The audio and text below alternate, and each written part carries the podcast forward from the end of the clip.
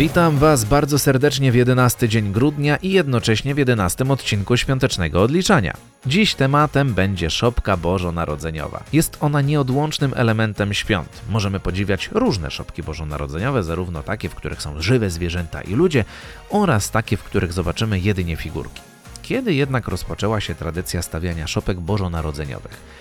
Zgodnie z historią, pierwszą szopkę zorganizował święty Franciszek z Asyżu. Stało się to dokładnie 24 grudnia 1223 roku. Wszystko zostało zaaranżowane w znajdującej się na wysokości 750 metrów nad poziomem morza włoskiej miejscowości Greccio, gdzie mieścił się klasztor franciszkański.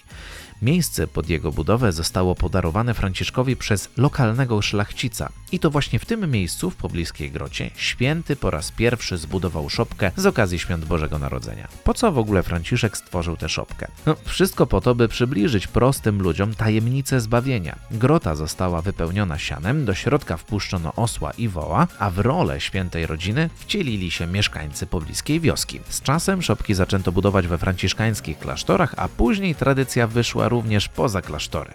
Obecnie szopkę znajdziemy w każdej katolickiej świątyni. To tyle na dziś ode mnie. Przypominam, żebyście ocenili podcast na Spotify. Obserwujcie też ten kanał, aby nie przegapić najnowszych odcinków. My słyszymy się ponownie już jutro.